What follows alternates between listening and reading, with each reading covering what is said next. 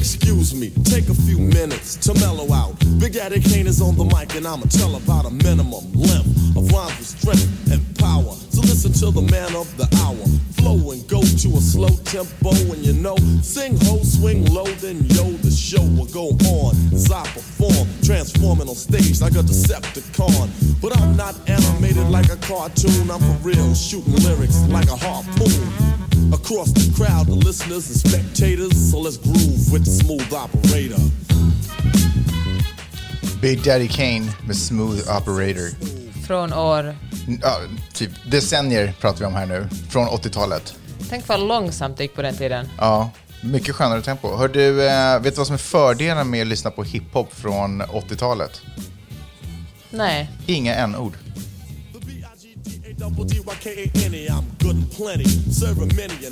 Det är hur safe som helst att pumpa skön 80-tals hiphop-beat i bilen med barn där bak. Och plus nu överhuvudtaget Black, Lives, Black Lives Matter, hur man bör bli medveten om ordval och sådana saker. Nu är det ju inte okej längre att sjunga med som det en gång var. Som Var det någonsin okej? Chris Rock sa det en gång. Att det var okej. Jag vet inte vem jag ska... Alltså, Men berätta inte... eh, Vi var på, när vi firade midsommar, ja, Drake sa att det inte var okej. så bjöd, drog Drake upp en tjej på ett fan på scenen och så sjöng de, och hon var vit, Mm. och så sjöng hon bara med i hans lyrics, och varav n-ordet Ja, är... Och, hoppade upp. Och han bara, bro, vad sa du nu? Det var ju ganska fräckt. Ja. Alltså jag menar, han kunde ju ha valt att inte skriva den låten och dra upp en vit tjej och sjunga med. Ja. Det var lite av en fälla kan jag Ja. känna. Eller kanske det var ett test förresten. Kanske det också var, kanske det var, det var en fälla med andra ord. Kanske det var en fälla. Men vilket fall som helst, 80-tals hiphop, det är dit ni ska vända er nu när ni vill eh, njuta av sång och kan sjunga med i alla texter, förutom NWA då förstås.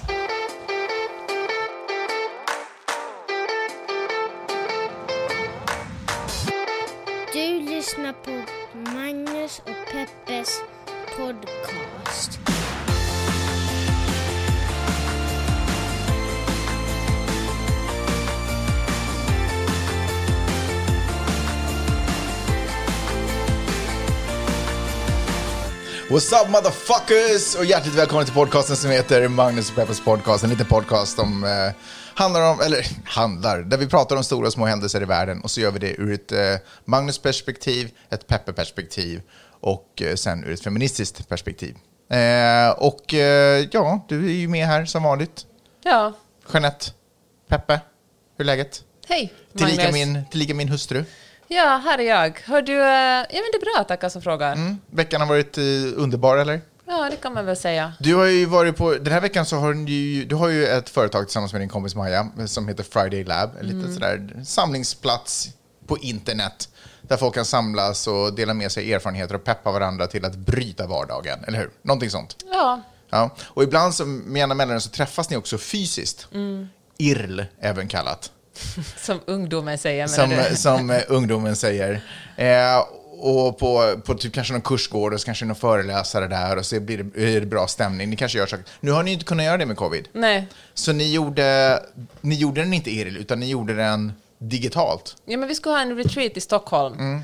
Och eh, någonstans i mars insåg vi att det kommer inte att bli en, Nej. en live-retreat. Ändå ganska tidigt att, att se Ja, men trenden. vi vill vara sådana som... eh, Ni har örat mot Vi marken. Mm. har örat mot, mot marken. Och, eh, men då tänkte vi så här, men nemas problemas, jag kommer att vara i Stockholm, så vi kan ändå träffas, Maja och jag, och Mm. så kan vi styra den här online-retreaten tillsammans och stötta varandra när vi drar föreläsningar och koordinera det. Ja. Men så visade det sig att jag inte alls kommer att vara i Stockholm den här Nej. sommaren, utan jag kommer att sitta nio timmar efter Maja. Och, Eh, Egentligen exakt samtidigt som Maja, men tidszonmässigt, så nio ja, timmar efter. Tack för förtydligandet. För att det är inte, ja, annars är det ju meningslöst. Och eh, då hade vi alltså planerat en 12 timmars retreat, vilket stressar mig otroligt mycket, för det innebär att jag ska vara tvungen att vara vaken på natten. Och jag är verkligen en person som tycker om att sova på natten. Så att... eh, Mm. Så det ja, blev så? Så det blev så, ja. Att du satt vaken och gjorde yoga mitt i natten, lagade lunch på Ja. tidig morgon, kvist. Det, var, men det var en otroligt bra retreat. Alltså, hela vårt, vår poäng är att varje vardag ska kännas som det där pirret man har på en fredag eftermiddag när veckoslutet ligger framför en. Mm. Och, eh, och temat för vår lilla retreat var Design your life. Designa ditt liv så att det blir så bra. Du vet, vissa människor lever så att de bara lever i väntan på att det ska bli helg, eller det ska bli semester, eller det ska bli sommar. Och eh, det är väl inget vettigt sätt att leva, för att livet är ju här och nu. Liv, Peppe. Som en känd... John Lennon eh, kunde inte ha sagt det bättre själv. Alltså, wow. Ja, du vet det där som alla de väggorden folk har Ja. ovanför sängen i villorna. Carpe diem. Carpe diem, de bor inom dig. Ehm, nej, men, men det gick ju ändå bra. Där satt du lite grå i uppsynen när jag klev upp på morgonen. Mm. Ehm, men efter en avslutad retreat. Ja, men det gick så bra. Ja, roligt. Hör du, eh, någonting annat kul som har hänt tycker du? Ja, ja men sommaren är här kan vi väl ändå påstå. Det kan man faktiskt Det är säga. sällan du och jag får uppleva en sommar i Kalifornien. En gång har det hänt. Ja, så nu är vi där. Nu Två gånger med- har det hänt i mitt liv. Ja, det ska alltid vara värst. Och eh, fast den första gången då ville du åka hem för du längtar så mycket efter mig. Ja. Ja, Jag tror att läget skulle vara annorlunda nu. Nu vill du åka hem för att inte vara med mig. Nej, jag skojar bara. Gud, så äckligt att bli det där paret där mannen skojar om att inte behöva vara med Ja, sin det, fru. det är regeringen där hemma. Ja, men så här lilla Fridolf-humor. Fan, men lilla, li- lilla Fridolf, han kunde sina grejer, om vi säger så. Mm. Ska vi dyka ner i podden? Är du beredd? Hör du, ändå ganska mycket som har hänt den här veckan. Eh, är, det något, är det något speciellt som, eh, som du känner att du har fastnat för, som du vill, som du vill öppna med? Annars har jag skitmycket att ta över med. Jag ska bara. Ja, såklart du har. Du kan börja prata sen, två sekunder efter att jag har börjat prata, så kan Okej. du prata på mig. Hör du, Kul att du säger det, för att. Putin kommer att bli president för livstid. Mm, det är faktiskt en av de grejerna som jag också, Ja. som ligger ganska högt upp på min lista. Kan jag få sammanfatta det här? Givetvis, Magnus. i mäktiga nationer och organisationers maktövertagande, en period som vi är inne i nu, vilket är lite skrämmande på sätt och vis, fast risken kanske är liten inför presidentvalet i höst i USA. Ja, det ser ju ganska mörkt ut för Donald Trump, det talade vi om den eh, förra veckan. Jo, men frågan är, kommer han lämna posten? Alltså, det har ju alltid skämtats om och ses väl som ganska otrovärdigt, men å andra sidan nu, Putin tar över Ryssland, eh, Kina tar över Hongkong. Alltså det är ju maktövertagande Mm. som vi i väst... Ja, okej, det var väl att ta i, men ja, det är maktövertagande i alla fall. Mm. ja, jag fick inte riktigt till när jag var slutet. Men fortsätt, berätta, Putin, vad, vad, vad tänker du? Nej, men han är ju nu, alltså idag när vi spelar in det här den första juli, då ska man rösta igenom en grundlags, grundlagsändring som gör att han kan ställa upp i presidentval. Alltså man har sagt ja till den redan. Ja, man håller på att rösta just nu. Har man sagt ja till den? Ja, den, är, den, Är, den är typ jag Ja, sagd. så han kan eh, sitta kvar till 2036 när han fyller 84. Och Mm. då är han väl i samma ålder som USAs presidenter är nu för tiden. ja, han är 69 nu, Mm. Bara så du vet. Ja. 65 procents eh, deltagande rapporterar, rapporterar Putin själv att Mm. det var. Eh, det var ju snikigt det här lagförslaget. Därför att det var ju inte så att lagförslaget var hej, får jag sitta kvar som, alltså kan vi ta bort alla mandatperioder eh, och får jag sitta kvar på evig tid? Utan det var så här, ni, vi höjer minimilönen eh, för alla ryssar. Vi ger er mycket bättre pensionsvillkor. Och jag får sitta kvar på... Det är ju en förhandlings, eh, förhandlingsfråga. Och då har ju ryssarna då förutsatt att de faktiskt har röstat för det här. Det är ju också svårt, oklart och svårt att säga. Eh, Men om vi utgår från att de har gjort det så har de alltså egentligen... Kan man säga att man har sålt sin själ då? ja. Man ger makten till en envåldshärskare och så får jag lite mer pengar. Fast vet du vad, jag fattar att folk tänker så, för att folk är ju fattiga i Ryssland. De har Mm. Ja. ju ännu djupare inkomstskillnader än USA. USA har ju Så var det här en win-win? Nej, men jag, Putin nej. får makten. Det är väl ingen av ryssarna som bryr sig om vem som sitter vid makten, kanske? Ja, det tror jag nog verkligen det. Mm. Men jag tänker också att folk tänker på sitt... eh, Alltså, de, jag tror att gemene man tänker på sitt dagliga, sin dagliga överlevnad. Mm. Både där, precis som folk röstar för lägre skatter, utan att tänka så mycket på vem som drabbas i längden av det. Mm. Att, så då tänker ryssarna så här, okej, jag kan ge mat åt mina barn idag och imorgon, fan, vi kör på det. Mm. I den här lagen så, eh, så stod det också att äktenskap definieras som mellan man och kvinna. Så kanske homosexuella enligt Alexander Bards retorik borde bara klippa sig och skaffa sig ett jobb i Ryssland och inte kanske marra över sådana saker. Ja, men det är otroligt tragiskt. Det är ju en, mör- alltså, det är ett mörker. Ja, Det är ju bara ett mörker. ja, men så är det Men när var, också. det, när var det ljus? När var det ljust i Ryssland? Ja, men, När var det härliga tider och, och sådär, fan, nu är det ett framgångsland, nu sker bra saker. Var det det där lilla ögonblicket då Gorbatjov lämnade ifrån sig makten till, eh, ett, fast behöll den i form av president? Ja, jag vet faktiskt inte. Men när han lämnade ifrån, eh, när kommunistpartiet lämnade ifrån sig makten över Sovjetunionen och gjorde... Men blev det så mycket bättre då? Nej, men kanske just det ögonblicket var det så här, det kanske fanns När allt framtids... ja, det fanns, alla möjligheter fanns Tänk vilken där. tid! Ja. Tänk vilken tid! Murar revs i Berlin, eh, Eller Sovjetunionen... en specifik mur. Nej, alla murar bara revs. Folk som hade murar utanför sina hus, de, bara, de revs ner. Folk samlade stenar från random murar, Mm. sålde dem som Berlinmuren. Eh, Sovjetunionen, kanske en av de mest eh, krigsföra makter som fanns på den tiden. Ja, eller egentligen kanske inte vid det ögonblicket faktiskt, eftersom kapprustning hade ju säkert, eh, ja, de hade ju tappat alltihopa. Skitsamma. Men att det faller ihop, den här otroliga stridsmaskinen och makt... Alltså, vilken, alltså 90-talet, take me back man. Varför det? För att hiphopen, var bättre då. Hiphopen var, Var bättre renare. då. Man fick sjunga med till texter, det var inte så mycket fula ord. Men älskling, nu håller du på att gå in i den där gammal gubbe-fasen där allt var bättre förr, för det var det faktiskt inte. Nej, det, allting var inte bättre för. Jag förstår att eh, våld och sånt existerar och, och det var säkert... Men, men vänta, vänta, vänta förresten. På den politiska planen, vad var sämre på 90-talet? Nej men till exempel fick homosexuella inte gifta sig i USA, det är en ganska... Men det får de ny- ju knappt nu heller. Ja men det får de faktiskt. Ja, 2015. i några månader. Om, om, så här, så här kan jag säga, om Trump vinner valet, då är det inte många år innan det avskaffas. Ja, men han kommer inte att vinna. Jag vet, nu är det sådär, åh, så där trodde vi också om Hillary, men det är faktiskt inte samma sak. Alltså den här mannen, han, han gräver ju sig djupare och djupare hela tiden. Och det som vi talar Pratar vi om Trump nu eller Putin? Nu, vi kan släppa Putin och gå vidare till Trump. För att, jag menar, jag, jag fattar, liksom, det är, såren har knappast läkt efter 100% valet inte. 2016. Och nu Fool me man- once. ja, precis. Så är det. Men, men Vet du vad, jag vågar aldrig säga fortsättningen, för det är alltid och hur, man, hur man går vidare därifrån. Fool me once, shame, Shame on, on you. you. Just det. Okej. Men, eh, nej men och för att, för det finns liksom ingenting rationellt i den nuvarande presidenten. Han får ju panik och, när han, och han, han reagerar sådär som män ibland reagerar de får panik. De blir aggressiva Mhm. och börjar liksom skrika åt något annat håll. Huvudsaken att de får ur sina aggressioner. Och det är det som han gör nu. Han liksom bara skriker så det liksom flyger spott Mm. och liksom åt olika håll. Men får jag ändå, alltså det är ju för det första tid kvar. Mycket kan hända. Alltså Biden kanske dör. Det är ju en reell risk. Biden kan göra värsta slören. Det kan mycket väl komma fram att Biden har sexuellt trakasserat en svart kvinna till döds. Eller något annat absurt som gör att det bara är stekt. Eh, Trump, han kan mycket väl hitta det fa- mest fantastiska säljtricket på jorden. Kanske han lyckas spinna någonting av Rysslands grej här nu. Kanske han lyckas spinna någonting av Kinas grej, för, som jag tycker för övrigt att vi tillbringade alldeles för kort tid att prata om.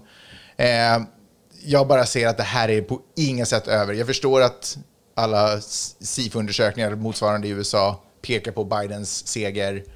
Men som sagt, fool me once. Men vet Shame du, alltså The Economist har faktiskt eh, en jättebra sida som samlar ihop data varje dag och uppdaterar dem. Och där är det verkligen... Vad är det för jättebra sida? Nej men de har en sida där de... Vad är det för kan- data de samlar in? Nej men från olika sorters eh, Men opinionsundersökningar. amerikaner är också flaky. Alltså, man kan inte lita Men, på... jag förstår, och ingenting är säkert här i världen, vad som helst kan hända, Mm. jag kan hålla med dig om det, det är ju fan sant. Men man måste ju ändå kunna lita på fakta. Och det är några månader kvar, jag vet, jag vet, jag vet, Mm. men just nu leder Joe Biden så överlägset att eh, Trump måste verkligen hitta på någonting. Och vet du vad jag tror? Jag tror verkligen att, att Trump börjar tappa smaken för att vara president.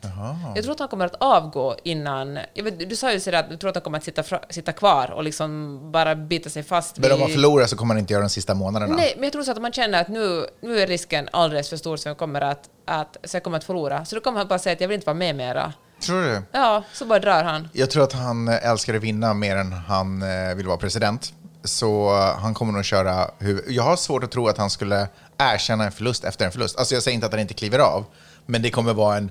Han kommer ha en ursäkt till att kliva av. Det var, inte, det var inte för att han förlorade, Nej. utan det är för någonting annat. Du vet. För det som vi talade om tidigare, i, eh, en orsak till att hans siffror ser så otroligt dåliga ut, är det som vi talade om långt tidigare i podden, att nu börjar eh, covid-19 sprida sig också till hans stater, de som brukar rösta på honom. Så Stater, delstater som han har sett som helt säkra. Och det var lätt att, att skylla på demokraterna och skylla på utlänningarna när det var de här stora kuststaderna som New York, och Los Angeles, San Francisco och Seattle som drabbades. Men nu när folk ute på landsbygden börjar drabbas och bli sjuka, och där har man ju också, finns det ju inte alls på samma sätt sjukhus, därför dör fler där. Folk är fattigare, har inte lika bra uh, hälso, vad heter det, hälsoförsäkring. Så det kommer, dödstalen kommer att stiga extra mycket där och folk kommer att känna folk som verkligen har dött. Folk kommer att vara rädda, folk kommer att förlora jobben. Och det gör verkligen inte gott för eh, Trumps uh, väljarbas. Nej. Nej, det är ju inte bra när ens väljare dör. Nej, det är svårt Bara, att få bara, den rösten. bara av den anledningen. Ett litet snabbt varv på vad som händer i Kina. Så kinesiska fastlandet har nu röstat igenom och bestämt sig för att det får vara, det får vara nog med tramset i Hongkong om att vara, ha ett egen styre och, allt det där bullshitet. Nu får det vara nog. Vi är trötta på protester i form av paraply och skit. Vi tar tillbaka det och styr det så som allting annat i Kina styrs egentligen. Eh, vilket har resulterat i att eh, det inte är lika kul att bo i Hongkong om man är född och uppvuxen i Hongkong på Hongkong-sätt. Så Taiwan har erbjudit, sina, eh, erbjudit sitt land till de Hongkongbor som känner att de vill flytta därifrån, från Hongkong och istället bosätta sig i Taiwan. Tydligen så är Taiwan och Hongkong ganska, lika, ganska snarlika kulturellt. Jag kan inte tänka, ja i alla fall, så det det är inte helt eh, oattraktivt för Hongkongbor att dra dit. Och de tycker väl ungefär samma sak om Kina också. Och Taiwan är väl typ en demokrati. Taiwan och eh, Kina har ju aldrig, de har inte kommit bra överens sedan många krig tillbaka. Du, eh, England, alltså det som, och, och världen naturligtvis är så här, åh, så där får man inte göra och, och så. Men Storbritannien som ändå är den, eh, den nation som Hongkong väldigt länge har tillhört, sedan typ 1800-talet någonting. Mm, 1842. 1842. De har sagt väldigt lite, trots att de typ skulle lite Ja, eller Bojo har ju sagt att ifall ni Hongkongbor vill söka om brittiskt medborgarskap så är ni välkomna. Det kommer inte att vara en komplicerad process. Precis, så det är väl schysst. Men det har inte varit hemskt mycket Kina, what the F. Vi hade en deal 50 år från det att eh, Storbritannien gav tillbaka Hongkong till eh, Kina. 97. 97, så i 50 år så skulle det vara fredligt och det får inte invaderas eller något liknande. Och du, nu gick det ju knappt 20 år. Eller vad är det? 97, vad sa du? 97. 17, 20, ja så var det 23 år ish. Eh, så eh, då hade man ju kanske tänkt sig att Storbritannien skulle vara sådär, what the F, vi hade en deal. Let's go, let's go to war. Nej, jag vet inte, det kanske var lite väl dramatiskt. Nej, Kan man ändå applådera Kina för tajmingen? Världen har fullt upp med annat. I den där, alltså, applådera cyni, en form av cynisk applåd. så de passar på att... att För vad ska världen göra? Vi har inte tid och, och resurser och möjligheter att börja göra, att försvara Hongkongbors rättigheter. Det fan, vilken inte. panik man måste ha i Hongkong ändå. Sjukt. Ja, och obehagligt. Ja. Så det här maktövertagandet eh, leder mig då tillbaka till det vi pratade om Trump. Det, det har ju skojats lite om, eller liksom löst spekuleras, kommer Trump lämna ifrån sig makten eller sin presidentskap om han förlorar? Eh, han själv har, svar, han har fått frågan direkt, kommer du göra det? Vilket är ju absurt. Vem får den frågan på en presskonferens? Alltså vad lever vi för världen den frågan bara lite måste checkas? Eh, han skakade bara på axlarna. Han, gav, han sa aldrig någonting, men det är förstås säkert ett spel och skoj. Men nu ändå med de här uh, powermännen och ledarnas uh, ogenerade liksom, övervåld. Eh, lever vi i den tidsandan? Kanske Trump passar på att också vill vara en eh, Hans idoler macho, är ju- macho man. Diktatorer. Mm, exakt. Men, eh, men alltså, jag tror faktiskt inte att han har kapacitet till det. Alltså, jag tror inte han pallar. Alltså, man vill ju tro att han är en, en, liksom ett, ett ondskefullt geni och att allt han gör är strategiskt. Mm. Men jag tror att han bara, alltså han bara mm, alltså freestylar från en dag till en annan. Ja. Han får en fråga, svarar någonting, Just får det. samma fråga två timmar senare, svarar någonting annat. Ja. Liksom, jag Han tror- kanske inte kommer ihåg vad han svarade första Nej, gången. Kanske det- inte ens bryr sig. Nej, det finns ingen plan. Det finns bara... På så sätt lever han verkligen carpe diem. Mm. Det, enda vi har är nu. Alltså egentligen borde man ju vara mer som Trump. Fast en- en snällare Fast version. samtidigt på inga sätt alls. Samtidigt är det kul att ändå förstå sin omvärld. Det är ju det. Mm. Hör du, eh, det här är en fråga, jag vet inte om jag ställt den till dig förut, men eh, om Trump vägrar att avgå, vem skyddar eh, nationalgardet? Ja, du ställde den förra veckan, tror jag. Alltså, lyssnarfråga. Vem, vem Fast skyddar... motsatsen, liksom. Det är vi som ställer frågan till Ja, lyssnarna. exakt. Ja, lyssnarfråga. jag ställer frågan till lyssnare. Vem, vem har national... Jag vet inte om det är nationalgard, inte fan vet jag, men du vet, de som... De vapen som är runt presidenten. Skyddar de den framröstade presidenten eller den presidenten som är president till, årsskift, till årsskiftet? Men, ja, bra fråga. Men, eller så här, tror du att eh, det är den sista splittringen för USA? Tror du att, att till exempel Kalifornien då sist och slutligen frigör sig och bara säger hej då? det tror jag faktiskt inte. Det skulle vara ganska sjukt om, det, om USA delades upp. Alltså om Trump stannar kvar, Ja. 100%, det blir en splittring. Nej, Ja. det, går, nej det blir ingen splittring. Vadå? Alltså det var ju starkare, Nej. alltså när han blev vald, då var det en jättestark rörelse som ville göra Ja, Kalifornien självständigt. det? det påmin- den rörelsen påminner mig lite om Skånepartiet som en gång om året går till Skånes och övriga Sveriges gräns, kör ner pålar i marken och försöker bända loss Skåne ifrån Sverige. Den känns inte seriös den. Alltså USA är ändå så pass, Vad fan, Kalifornien så klarar sig hur bra som helst utan resten av USA. ja, kanske, kanske inte. Det här är ju världens femte ekonomi. Mm. Jag menar, ärligt talat, de behöver Kalifornien mer än Kalifornien behöver dem. Ja, men du måste också förstå att det här är, de här staterna, det är en familj. Alltså, jag kanske inte gillar min eh, morbror eller Ja, men det trodde vi i EU och Storbritannien också. Men, men det här är... Sen kom Brexit. Tänk Ja. om uh, Ja. Cal-exit. Ja, och apropå det, Storbritannien har ju verkligen inte tid och råd och möjligheter att sitta och fundera på stackars Hongkong. De har ju som sagt Brexit och covid och bo- blowjo att, eh, att foka på. Så det ja, nej, världen är upp och ner. Eh, jag tänker att det är dags att gå vidare. Förra veckan talade vi om att Facebook och Twitter har en slags uh, feud, skulle man nästan kunna säga. Eller inte en direkt, men de har ställt sig på olika sidor där Twitter försöker vara den goda och Facebook är den onda. Kan vi säga så här att de troligtvis kommer gå till historien som två väldigt olika företag? Ja, men det kan man verkligen säga. Eh, Det börjar med att eh, Jack Dorsey som är Twitters grundare sa att från och med nu kommer vi inte att sprida osanningar. Vi kommer att faktchecka folk som har eh, många följare eller som har liksom positioner, som till exempel USAs president som influerar människor. Och skriver de någonting lögnaktigt så kommer vi att sätta en liten kärna eller en liten plupp och, och länka till fakta. Det som någon tidning typ har skrivit om som fakta. Medan Facebook... eh, blir Alltså vi kommer, skri- vi kommer sprida osanningar med källhänvisningar. Precis. Du kommer inte att ta bort någonting. Det kanske de till och med har gjort. tagit vet bort. jag inte. Jag vet inte. Och, eh, och då, var, då fick eh, Facebook samma påtryckningar och då sa Mark Zuckerberg att han inte vill gå och peta i folks rätt att uttrycka sig som de vill. De har inget publicistiskt ansvar utan de har bara en plattform där man kan uttrycka sig.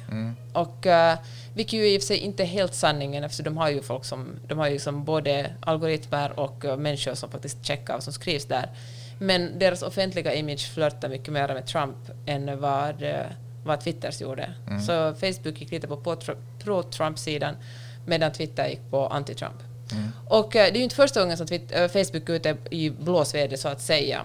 Alltså, jag vet inte om du kommer ihåg, men för två år sedan var det en kampanj som hette Delete Facebook, där folk stängde ner sina, sina Facebook-konton. Det var en ytterst liten kampanj, väldigt få som gjorde det, många kom tillbaka eftersom Facebook har slingrat in sig i ens liv ganska mycket. Det är där, man gör ju liksom inget, det är mycket sällan man publicerar någonting där, men det är ändå ett sätt liksom att få kontakt med människor och man använder ju WhatsApp och Instagram och, och Messenger som alltid är egentligen Facebook. Och, eh, men nu har folk verkligen börjat känna att det är för viktiga saker som händer i världen.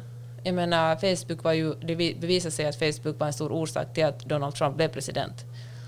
Och eh, så nu har stora företag bestämt sig för att bojkotta Facebook. Bland annat Unilever, uh? Puma, Unilever. Aha. Alltså jätte, ett jättestort eh, företag som gör allt från shampoo till choklad och hundmat typ. Oj. Otroligt att du inte känner till det. Mm. Okej, men eh, Adidas kanske du känner till? I Sverige är Sveriges järnvägar och Oatly Mm. som gör havremjölk. Och eh, Starbucks till exempel. Vissa av de här har sagt att vi kommer inte att, att köpa några annonser hos Facebook på en månad. Det känns ju inte så jättedramatiskt. Andra har sagt att vi, vi bromsar vår annonsering ända tills eh, årsskiftet. Och hela, hela Facebooks företagsidé handlar ju om att få många användare, ta användarnas alla uppgifter och sälja dem till företag. Och sen ha företag som köper annonsering så, de blir, rikt, så blir riktad annonsering. Så att de här stora företagen drar sig ur betyder ju, betyder ju ganska mycket för Facebooks ekonomi. Jag läste någonstans att, att Zuckerberg föll ner ett pinnhål från listan på världens rikaste människor förra veckan. Mm, så nu är han vadå, tre eller fyra? Ja, men, typ. ja, men han kommer ju aldrig bli av med sina... Ja, men det är omöjligt att göra av med alla sina pengar. Han är ju där i, i, tillsammans med Jeff Bezos och de andra gubbarna. Oh, vad de verkar vara obehagliga allihopa förresten. Mm, det börjar få en annan, eh, en annan bild av eh, Bill Gates om jag ska vara helt ärlig. Är det sant det? Jag tycker att han börjar mjukna upp lite i mina ögon. Jaha, men, ja, men han, är, han är väl undantaget som bekräftar regeln. Bill Gates är den som har donerat otroligt mycket till välgörenhet. Hur som helst. Du menar så det hashtag inte alla miljardärer? Det stod ju, eh, förlåt, nu kommer jag lite från ämnet, men å andra sidan så hade du en poäng. Ja, men jag har en poäng. Jag har en Ja, poäng. okej. Okej. Och för, att för några år sedan gick det då delete Facebook och det funkar inte så bra. Nu har vi gått till att eh, på något sätt peta, eller vi och vi, men företagen försöker liksom verkligen göra Facebook illa där det verkligen gör illa och det är genom att dra bort sina pengar därifrån. Och det här kanske är en droppe i havet, men det är fan väl det enda sättet att påverka ett sånt stort företag. Jag vet faktiskt inte. Eller så är det enda chansen att att eh, inte bli ett ondskefullt företag är det som vi talade om för några veckor sedan, att eh, ha en, att betala med pengar för det man gör, an- alltså ha prenumerationsavgift. Så vi talar om den här Niva tror jag den heter, den här sökmotorn, ett alternativ till Google. För att så länge man inte betalar för någonting så då är man ju själv produkten. Ja, men så är det ju förstås. Ehm, ja, alltså, jag, jag vet inte vad jag tycker om en månad. Det, det, instinktivt så låter det lite skenheligt. Ja, vet du, kände jag också först sådär, Men är det bara det- ett sätt att positionera sig för företag? Ja, men kanske det också är, ja det, men det behöver inte nödvändigtvis vara dåligt. Man kan ju ha två vinster, så att säga. Ehm, det kan ju vara Ryssland.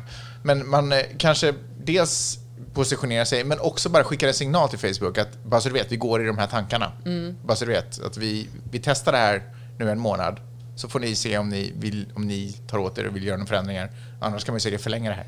De allra, allra flesta som eh, annonserar på Facebook är små-företag, som till exempel mitt Friday Lab. Vi gör ibland Facebook-kampanjer. Men nu känner jag, eller nu vill jag inte göra det längre. Vad ska du göra dem då? Jag, menar, jag får väl bara nå ut genom min blogg eller på något annat sätt. Mm. Jag menar, det måste finnas andra sätt än att, än att ge pengar åt? Facebook. Det finns ju andra sociala medier att jobba med. Ja, vissa av de här företagen har för övrigt stängt av alla sociala medier, så Twitter har liksom, de har dragit alla över en kam, så Twitter har på något sätt halkat med där. Mm. Och Twitter har ju inte på långt när lika mycket pengar som Facebook, så att man är rädd för att, eh, alltså nu är Twitter heller ingen hjälte, alltså det är ju också ett företag som kapitaliserar på folks eh, information. Det är ju, de, är inga, de är inte goda heller på något sätt. Mhm. De är bara liksom, i den här skalan av olika, olika djup av ondska ligger de bara lite, men lite ovanför Facebook.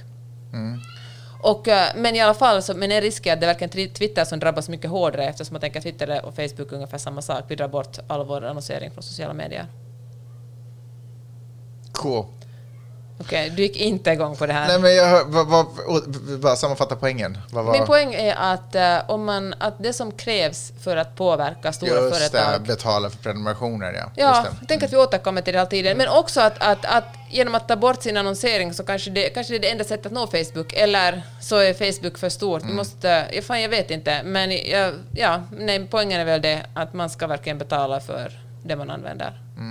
Nu, kan, nu finns ju inte det alternativ på Facebook, så jag vet inte riktigt hur du... Ja, men där finns en ganska bra businessmöjlighet. Jag förutspår verkligen att det inom de närmaste fem åren kommer att komma en sån tjänst. Sen kommer ju världen att delas in i de som vi talade om förra veckan också, de som har råd att betala för en prenumerationstjänst och de som inte har det. Men så är det väl också att ju fler som betalar för en sån här prenumerationstjänst, desto billigare blir det. Så det kanske blir en möjlighet för alla. Mm, grymt. Tack ska du ha, Peppe, för den insikten.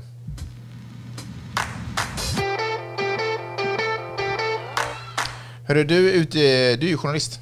Jag höll på att säga att du utger dig för att vara journalist. Men du, ja, det var fräckt. Men du är journalist. Jag har lite, jag har lite journalistiska, teknisk journalistiska frågor skulle man kunna säga till dig.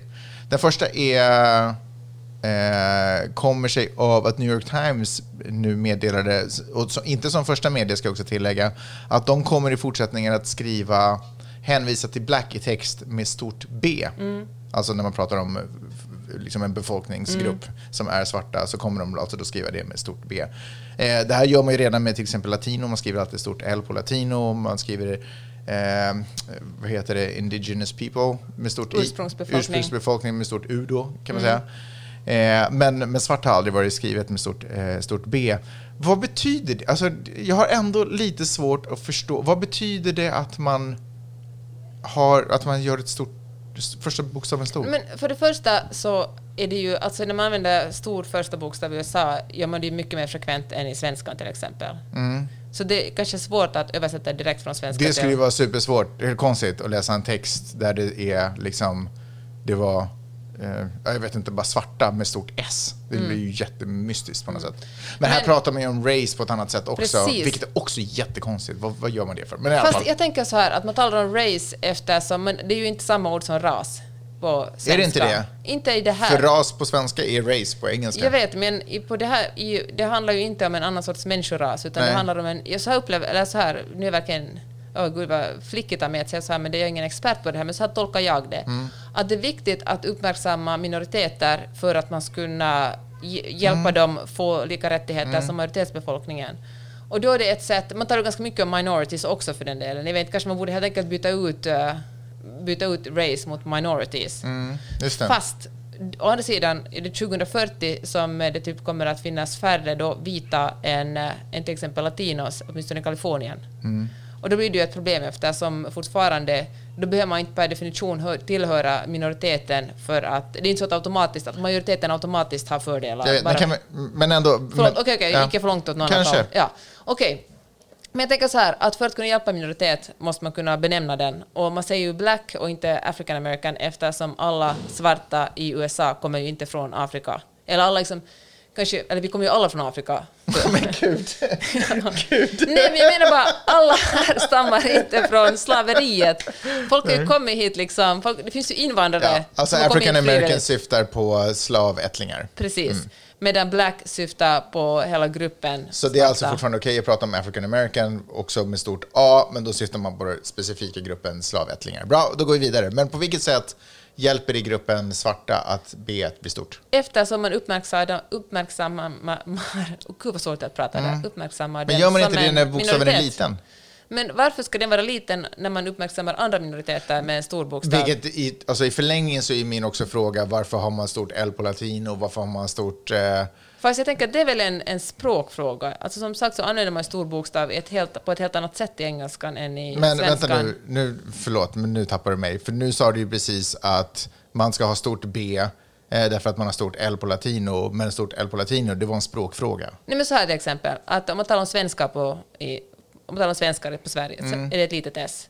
Men Swedish people är stort S. Mm. Man benämner människogrupper med stor första bokstav. Och då är blacks en människogrupp. Får jag ändå då bara tillägga att eh, whites inte är stort W Nej.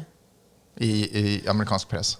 Men kanske det är för att vita inte är en minoritetsgrupp som är förtryckt. Ja, egentligen så, det var fräckt att jag kastade tillbaka den sådär, för de har faktiskt gjort eh, medvetet val att inte, alltså New York Times pratar jag om nu, har gjort det medvetna valet att inte ha stort W på vita, mycket för att white supremacists har kidnappat lite den och de vill inte, alltså, ja, det är inte en grupp som behöver definieras. Men framförallt så har de, har- de har gjort andra eh, åtgärder också i sitt eh, skrivande. De, eh, eh, ska, de ska tänka på när de använder, och det här tycker jag, alltså det här har jag faktiskt uppmanat om jag ska vara helt ärlig, när jag till och med jobbar på radio i Finland, att eh, de, eh, de tänker ett extra varv på när de benämner någons hudfärg, för att man vill inte, just också för att avnormalisera att vit skulle vara den normala färgen och att man måste nämna alla andra färger utom vit, så att säga. Så Ja, därför precis, så så att man, vita är normen, men inte Exakt. göra vita till normen.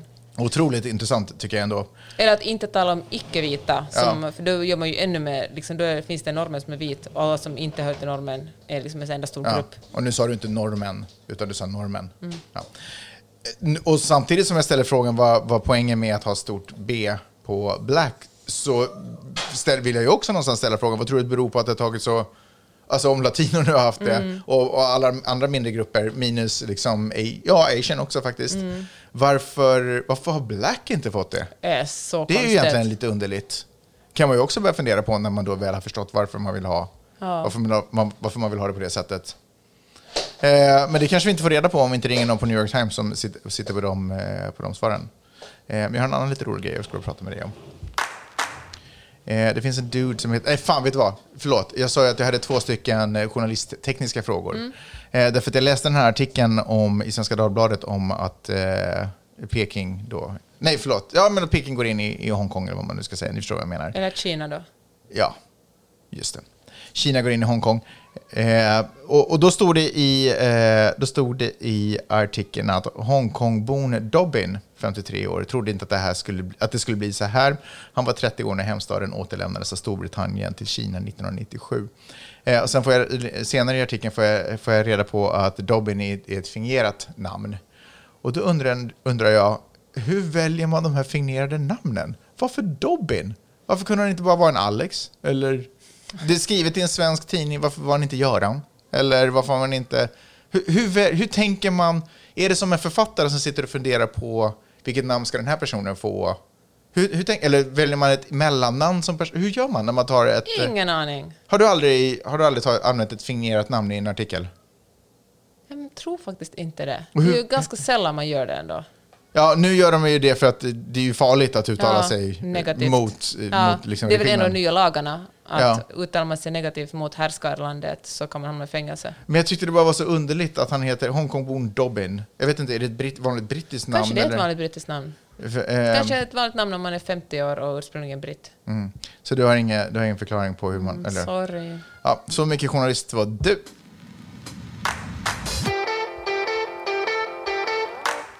Apropå namn, Dusty Crawford. Känner du till honom?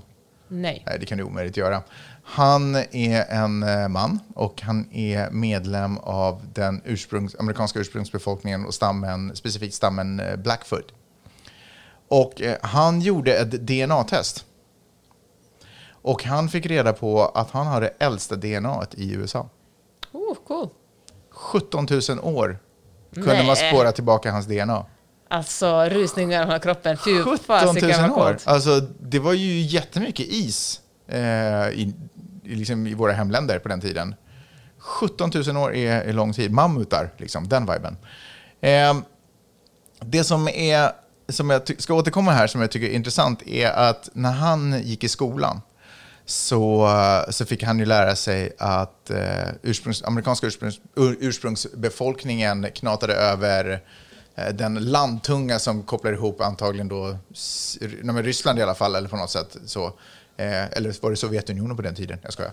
Och, eh, och amerikanska kontinenten. Och det är så liksom, folkvandringen har gått till. Att, förstår jag menar? De kom upp genom Asien och vandrat ner genom Amerika och sen ner i Sydamerika. Men grejen är att hans 17 000-åriga DNA lär oss att han var på amerikanska kontinenten redan innan den landtungan fanns. Så att hans... Han är verkligen Så, ursprungsamerikan. så de generna, och det är intressant för i, i hans stam, eller de eh, muntliga traditioner som har gått i hans stam, har pratat om att de alltid har funnits på den där kontinenten. De, var inte, Nej. de har inte vandrat någonstans. Det, finns, de, det fanns inga... Det är roligt när man använder det som ett argument. Det finns inga muntliga traditioner som säger att vi skulle ha vandrat över någon himla landtunga och liknande. Att man kan använda det som ett seriöst argument. Jag menar, att glömma muntlig tradition kan inte vara så svårt på 17 000 år. Men nu fick de det också då bekräftat i och med att han då gjorde det här DNA-testet. Eh, jag ska prata lite mer, eller jag, jag ska säga det här också innan jag egentligen kommer in på det jag vill prata om, för jag tycker det var så otroligt fascinerande. Faktum är att hans närmaste släktingar finns i Peru. Eh, så det har visat sig, eh, och, och hans äldsta släktingar kommer från öar i, i Stilla havet. Så det visar sig att han, han har faktiskt, eller han förstås inte, men hans släkt har alltså då kommit med båt från Australienområdet. Eh, och sen eh, seglat, klivit i land till Perus kust och sen vandrat upp till eh, Nordamerika. Och svartfötterna håller till, huvudsakligen till på östkusten, eh, amerikanska östkusten. Så, att, så generationer senare så har liksom stammen kommit hela vägen dit. Och, alltså, sinnessjukt fascinerande. Men det här leder mig till den här tanken då, det här som man fick lära sig i skolan om att han eh, att eh, ursprungsbefolkningen då har vandrat från, eh, från liksom, Ryssland och ner till USA. Hur, hur generell den här utbildningen vi får är. Och vad sorgligt det är för hur många människor som blir rotlösa bara för att den här allmän... eh, Och så är det ju alltid förstås. Och så är det ju medicin och så är det ju mycket annat också. Det, det är otroligt svårt att ge specifik historielektion till en människa. Eh, till, eller till individer. Utan på något sätt försöker man ju samla vad man vet och så försöker man presentera det allmänt. Men, men och, jag vet inte hur livsavgörande det är att veta att man har kommit från en punkt snarare än man kommer från en annan punkt. Men ändå, hur man bara utsätts för och skolas in i den här generella informationen. Och så får man bara acceptera den och köpa den. Liksom.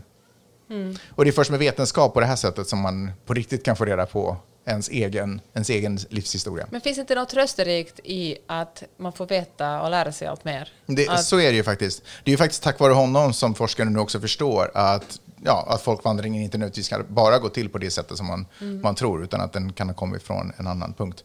Men eh, coolt. Han, muntliga traditioner har bara tagit honom tillbaka till fem generationer som man visste innan. Men sen när han gick och gjorde det här testet så, så kom han bak, vad det nu var, 55 generationer. alltså de måste ju mer. sådär, nej det måste bli något fel här. Ja, det måste det. Ja, exakt. Jo, men så, så var det ju. Folk bara, what?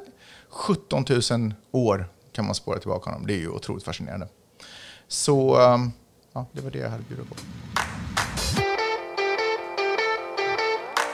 För några dagar sedan satt vi hemma hos några amerikanska medelklasskompisar och pratade om... Vilken, är det medelklass med stort M nu då, eller? När du vill Nej, men jag tänkte... jag, vet inte varför, jag- men jag vill liksom säga bara att som vi är helt liksom vanliga amerikaner, för man tänker ju alltid att amerikanerna ska ha stenkoll inte vi på överklass? allt. Är vi medelklass verkligen? Gud, Alltså i den här stadsdelen är vi liksom... Ja, men vi är bottenskrapet. Är det? Ja. Och, eh, och så började vi prata om eh, såklart om demonstrationerna, protesterna, plundringen och, och så började vi tala om att, att avfinansiera polisen. Och då sa vår kompis där att han tycker att det är hemskt att de har gått så hårt åt polisen. Att därför säger man att man ska liksom abolish the police, alltså helt ta bort det. Att det är för radikalt för att eh, folk ska kunna hoppa på det tåget. Och då började vi prata om att det kanske är viktigt att det är så radikalt. För att om man inte sätter liksom målet väldigt långt fram, då kommer man aldrig att komma ens halvvägs. Om man säger att eh, om ni på hedersord lovar att uppföra er, då, liksom, då är vi också snälla. Då händer ingenting. Man måste kanske sikta jättelångt och räkna med att man kommer halvvägs. Och eh, exakt det tänkte jag på häromdagen när jag var ute och sprang och lyssnade på en podcast, en brittisk podcast som heter Seriously. Alltså, då, exakt det samtalet tänkte du på då? Ja, för att där pratar de om hur feminismen har gått för långt. Mhm. Och det var, det var, för jag började lyssna på det och var att åh, nu ska jag gotta ner mig i folk som tycker exakt samma sak som jag. Mm. Och eh, det gjorde de ju inte alls. Men alltså gått för långt? Alltså nu har kvinnor för mycket makt? Eller? Ja, det var sådär att, men att, att feminister tror att... Eh, de liksom var lite feminister på något... Alla, väl, alla säger väl nu för tiden att de är feminister på något sätt, men att ett problem är ju att feminismen är så otroligt individuell så man kan argumentera precis vad som helst för att man är kvinna, att man gör det av eh, feministiska skäl. Och eh, men då talade de om en sån här sak att, att de tyckte att det var he- helt otroligt dumt att kom, den här låten Robin Thicks Blurred Lines, Mm, kommer du ihåg den? Och den blev ju, jag tror Spotify tog bort den till och med, för den kallade den som en... en Rape nej, song typ. Ja, att nej, det, eftersom jag måste lyssna på den, jag sprang till den igår sen. Mm. Den efter är nog kvar på Spotify, Den är men- kvar på Spotify, ja. men den fick mycket... Spotify, ja. Mm. Spotify. Den fick, För du har inte råd med Spotify? den, fick, den fick mycket skit den sången. Mm.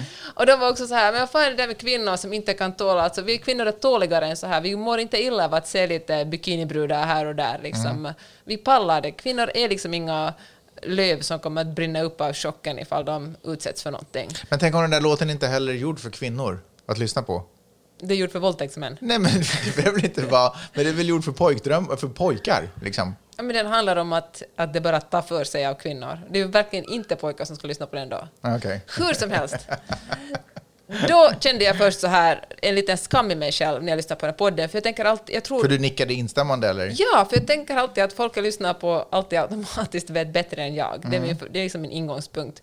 Sen, för då var jag så att, ja, men herregud så töntig jag var som också tyckte att det här var en våldtäktslåt. Men sen slog det mig att eh, det kanske är samma sak med feminismen som med Black Lives Matter. Att man är tvungna att lyfta på saker och liksom, eller lyfta fram saker som kanske känns absurda eller som känns överdrivna och säga, och se, bara för att få komma vidare, för att uppmärksamma ett jättestort problem. Om man bara skulle säga så här att, att vi, tycker att det, vi tycker att det är hemskt med våldtäkt och där tar vår feminism slut, då kanske det inte så blir så, då ska man kanske inte göra samma framsteg. Förstår du vad jag menar? Ja. Att liksom ett, ett, eh, vare sig, nu säger jag inte att rasism och, och liksom kvinnohat är exakt samma sak, men det finns en någon slags gemensamt ett förakt mot folk som inte är vita män. Och, eh, så jag tänker att, uh, nu måste du ändra mig. Först så nickade jag mig och sen var jag så att nej fan, det är alltså bra att våldtäktslåtar ska bli kritiserade. Nu säger jag inte att, att jag är inte för cancel culture där man ska liksom ta ner dem och förbjuda dem. Men jag tycker verkligen att eh, man ska diskutera dem och att man ska fundera noga på om man vill spela dem på sin egen 15-årings födelsedagsfest. Ja. Men, ja, men all musik är ju inte heller tal till nationen. Nej, Nej, I men- vissa, Ibland är ju musik bara en beat och flippa in ord som rimmar. Ja, men sjung the n-word då. Nej, För det är ju... ja men okej, men det är ju, ja, men det är ju verkligen inte okej nu Peppe. det är ju verkligen, men f- okej. Mm, Det är Magnus, det är bara musik. Nej men lyssna, får jag, får jag läsa upp? Nej men alltså jag gör det gärna. Alltså 100% att jag lutar mig in i en ordet om jag drar en hiphop-låt för mig själv i bilen. Men jag vill ju inte offens, jag vill inte att någon ska bli ledsen. Så jag gör det inte liksom så att, eh, så att det stör människor. Liksom, eller så att folk blir upprörda eller, eller tar illa vid. Jag vill inte skapa dålig feeling liksom. Jag förstår det. Och nu menar jag liksom inte att allt att feminismen hänger på ifall blurred lines, Men- vänta nu, spelas eller inte spelas. Det var bara ett exempel. De tog fram en massa andra exempel. Jag tycker inte heller att ingen kvinna någonsin ska få visa sig i bikini. Men jag tänker att allt det här tillsammans skapar en kultur där kvinnor, att man ser att när man säljer grej med tjej, vad man än säljer så ska det vara, säljer man smink så säljs det med bröst. Trots Jo, att man vet. väldigt sällan sminkar sina bröst. Men det finns ju en frihetsrörelse i att åtminstone hamna de pengarna hos kvinnorna själva. Men det gör de inte alltid. Okej, kanske smink ibland, men jag menar alla sminkföretag kanske har, har inte, alltså den kvinnan som är ansikte utom hos sminkföretaget är faktiskt inte alltid den kvinna som äger företaget. Jag hör det 100%. Och jag tänker att det som, får jag bara säga, att de som... Fast man- de får ju pengar för sina Fast kampanjer. vet du vad, det där, är, det där argumentet håller jag verkligen inte med om. Att kvinnor ska tjäna pengar på andra kvinnors osäkerhet. Man kan säga, ja det ja, kan man- du kan liksom Ja. sexualisera kvinnan, men det är ju en kvinna som får pengar för att sexualisera andra kvinnor. Fan, kvinnor men måste väl också ta ansvar? Jo, så är det förstås, men på 80-talet så då såldes, då såldes skruvmejsel med tjej. Då Men det fanns det vi- liksom ingen kapitalism runt kvinnorna alls. Nu har ju åtminstone kvinnorna skapat sitt eget företagsnätverk och drar in sin egna cash. Det är inga tänk- argument om jag man tänker på de fortsätter att... influencers som, eh, som, eh, som jag jobbar med som har företag och som säljer sina egna produkter med sin egna, sitt eget utseende eller sin egen, vad det nu kan vara. Men om de, om de bidrar till, att, till ätstörningar och att kvinnor inte, duger, och inte tror att de duger som de är, att de måste köpa saker för att vara accepterade. Alltså bara för att man är kvinna behöver man ju inte automatiskt Fast- vara feminism och bara för att man tjänar pengar på någonting är ju inte automatiskt en Nej. Bara för att man är kvinna och tjänar pengar är det ju inte automatiskt en feministisk handling. Man kan ju vara kvinna eftersom vi lever i ett, ett samhälle Nej, fast nu är det väl ändå ett steg, bet- ett steg i rätt det det? riktning när kvinnorna kan börja äga sina egna pengar och ha sin egen ekonomi. Men det, handlar, det kan man göra Det är väl på också andra en del sätt också. fem- det det, är väl- kan man göra, det finns Jo, jättemånga andra lyssna. sätt än att utnyttja... Wow! Än att, vadå? Lyssna! Ja. Lyssna! Nej, men därför att du, du, börjar, du börjar hetsa nog otroligt mycket. Lyssna så här. Vi lever ju i en kultur som är otroligt, otroligt utseendefixerad. Hur, var, var någonstans ska du röra dig om inte du stöter på någonting som bidrar till eh, ätstörningar? Du kan ju inte ens gå på boardwalken här utan att i så fall bli provocerad av människors kroppar och utseende. Hur ska du ens kunna röra dig i Stockholms innerstad så som folk ser ut?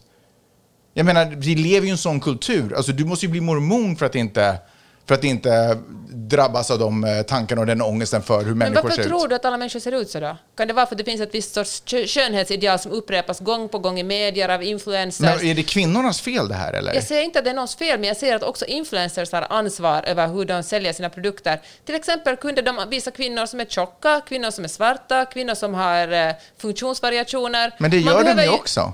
Eller gör de Det det? är klart att kampanjer också gör det. Men Gör om vi de pratar... verkligen? Om vi Finns pratar det verkligen mainstream? Alltså dina influencers, många av dem säljer med tjocka eller kvinnor, och vi behöver inte tala om dina men influencers generellt. Jag säger bara att bara för att man är kvinna och tjänar pengar på andra kvinnors osäkerhet, liksom, det är inget frikort att man är kvinna att göra saker som, som för feminismen tillbaka, Mm. eller kvinnans jämställdhet tillbaka. Jag menar tvärtom kan man ju liksom, det finns, och det finns faktiskt andra sätt att tjäna pengar på än på att, på att på något sätt eh, bibehålla en stereotyp kvinnosyn, Mm. eller skönhets, skönhetsideal. Fast det finns inte heller någonting som heter ett naturligt utseende idag. Vi kan inte ha det därför att det vi äter och det som erbjuds och det vi skaffar, det, går- det, liksom det, det går inte att ha ett naturligt... Det finns inte, alltså alla utseenden är naturliga. Men, men det är ju det som är poängen. Då kan det vara bra att visa andra utseenden, folk med jättestora rövar, jättestora bröst och jätte, jättesmå Jo, men om midjar. de här kvinnorna säljer sina egna produkter med sitt eget utseende, då är det ju det utseendet de har att tillhandahålla. Men du vet att man kan, vara, man kan vara- ha ett företag utan att bara visa sig själv Jo, men de är ju företaget. produkten. De är ju produkten. Det är ju det man köper.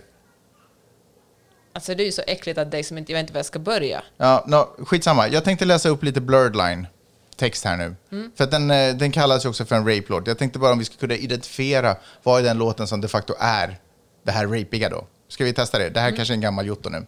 Men lyssna nu här. Everybody get up. Everybody get up. Hey, hey. Uh, if you can't hear what I'm trying to say, if you can't read from the same page, maybe I'm going deaf, maybe I'm going blind, maybe I'm going out of my mind. Jag hör inga alarmerande här än så länge. Um, och sen avslutas den strofen med Everybody get up. Okay, now he was close, tried to domesticate you, but you're an animal baby, it's in your nature, just let me liberate you. Så hon kommer från ett dåligt förhållande och, och han är, du ska vara fri, du ska vara med mig, jag kan erbjuda dig frihet. Ehm, eh, you don't need no papers, jag antar att det handlar om pengar. That man is not your maker. Ja, så du ska inte vara i det förhållandet bara för att han har massa pengar. Uh, that's why I'm going to take a good girl. I know you want it. I know you want it, and I know you want it. Um, you're a good girl.